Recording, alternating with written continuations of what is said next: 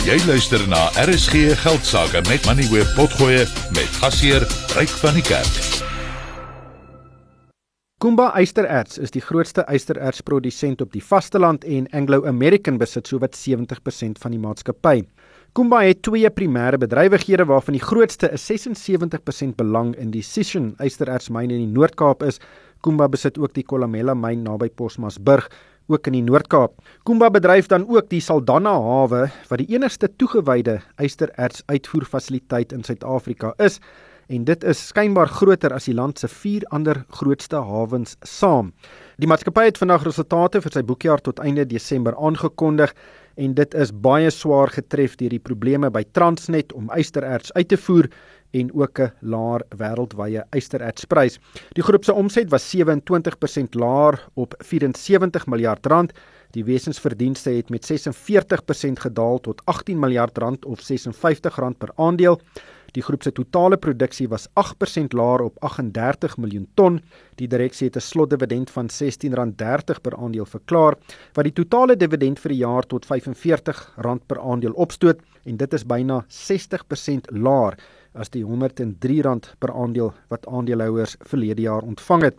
Op die lyn is Mpumi Zikalala, sy is Kumba se uitvoerende hoof. Mpumi, thank you so much for joining me today. I think you've mentioned Transnet by name around 12 times in your short form announcement you released today.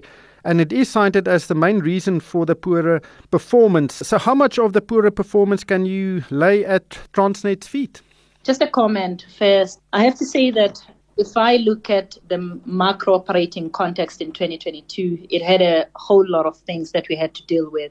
Whether you talk about the geopolitical issues, China's COVID policy, the energy crisis, not just in the country, but in Europe as well, the volatile iron markets that you spoke about, supply chain disruptions, and clearly the one that you are talking about, which is around logistics constraint. Yes, it clearly had a significant impact on our business, and the one element that we zoomed into a little bit earlier was specifically looking at the performance for the fourth quarter, where if you look at it, we're impacted to the tune of 3.5 million tons and revenue potential of 6.5 billion rands. And clearly that would have added significant value, not just to our business, but to the fiscus as well, and clearly ultimately to people within our country. So it is one area that is receiving a lot of focus for us. And clearly, we are collaborating with Transnet because we can only win together. The Saldanha port operation is interesting. The port is owned by Transnet, but you are responsible for the operations. Am I right? So Transnet owns it, but you run it? No, so the port is owned by Transnet, and the operations are run by Transnet. When we do load from the multi-purpose terminal, that's what we essentially run. And what we also do is that we clearly do our sampling for the iron ore that we ultimately export, and that's to make sure that our customers get exactly what they've ordered from us from a specification perspective. Are you working with Transnet and maybe proposing that you take over some of the operations? So we are firstly working with Transnet, and uh, this is around improving the performance of both the rail and the port. And the recent collaboration that was announced in December last year was between the Minerals Council of South Africa, and clearly we are part of the Minerals Council, as well as the Transnet Board. And that spoke about collaboration that we need to drive to turn around the performance levels that we currently see, not just for the iron ore channel, but clearly for coal, chrome, mm. and manganese as well. That work continues, and we've seen some positives for the iron ore export channel. So, for example, typically last year, this time, we're talking about locusts, which can actually derail a train. We have collaborated with Transnet and the Department of Agriculture, and we are not seeing that this time around. And that work will continue. But on the side, we've been clear that we believe that some form of private sector participation has got to come in. And we essentially have been talking about the idea of concessioning the line. When talking about it, we've been specific around the fact that we as miners don't necessarily have the technical skills to actually maintain the infrastructure and operate the infrastructure. But if you think about it by its nature, concessioning talks about getting a player who's got those competencies to come in and do exactly that. And it can actually be done for the benefit of all. If I look at it, there'd be significantly more revenue that would come into both government and Transnet. There would be less expenditure going towards fixing the roads because when rail doesn't run, you typically have mm. more trucks on the road. And that in turn would actually improve the levels of fatalities that we sometimes see on the roads by virtue of having trucks on the road. We actually think that this would solve for labor because anybody who comes in to essentially, or from a concession model perspective, would still need to have the front line that actually operates and maintains the line. And clearly, there is capital that's required to work on the maintenance that's required.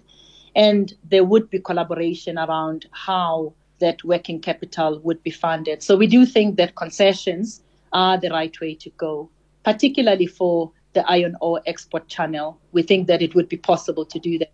But there's an interesting case study in Australia where I think a decade or two ago the iron ore industry was about the same size as the South African industry. And the railway line was privatized, and the production levels just absolutely exploded because of logistics. How does Transnet's inability to transport your product to Saldanha Bay impact your production levels? Rick, I have to say there's quite a few case studies. So, from an Australia perspective, let's look at bulks. And clearly, bulks can either be iron ore or it could be steelmaking coal as well. You've got the Pilbara model where everything is done by the private sector. You've got the Central Queensland model where the operational side and the maintenance is essentially concessioned to a player. You've also got other models. You've got the German model, the Deutsche model. You've got the Canadian model. We have clearly spent some time understanding the various models and have seen that where you essentially have private sector participation, you can talk about the how, because clearly that's something that we can't do on our own. That's something that we have to get to with both government and Transnet. We've seen that you tend to see an improvement in terms of performance.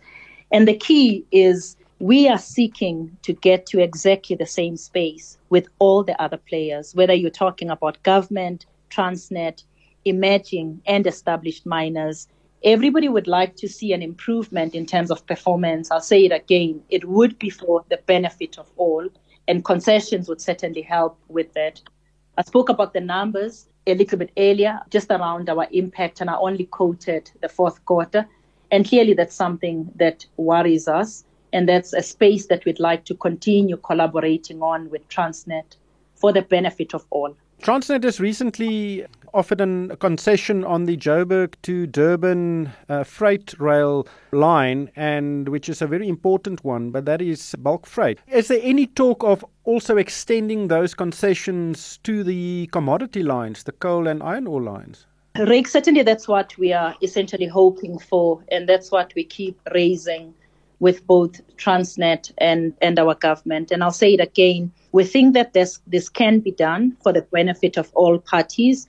The key is no one single player can simply come up with a model. The model needs to be co created with all the various players. And the key is it has to solve for an ultimately win win situation. And we do certainly believe that we can get to that.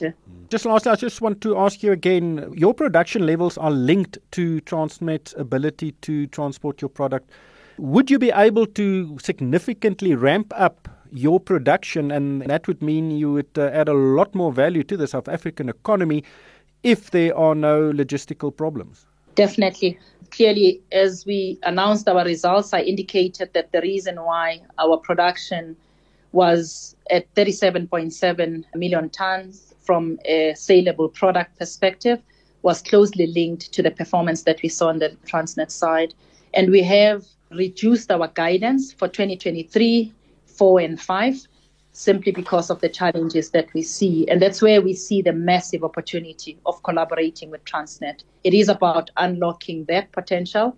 And it's not just about Kumba, it's about other players mm. that are currently on the line. And it's also about other emerging miners that would like to come and utilize the same channel, both rail and port. Yeah, the knock on effect on many other industries will also be significant. You're talking about a significant job creation, you're talking about more tax revenue for government, and uh, I think it will be a win win situation if that private sector participation materializes. But Mpumi, thank you so much for your time today. Hopefully, when we speak in six months, we will talk about the Kumba operations and not about Transnet.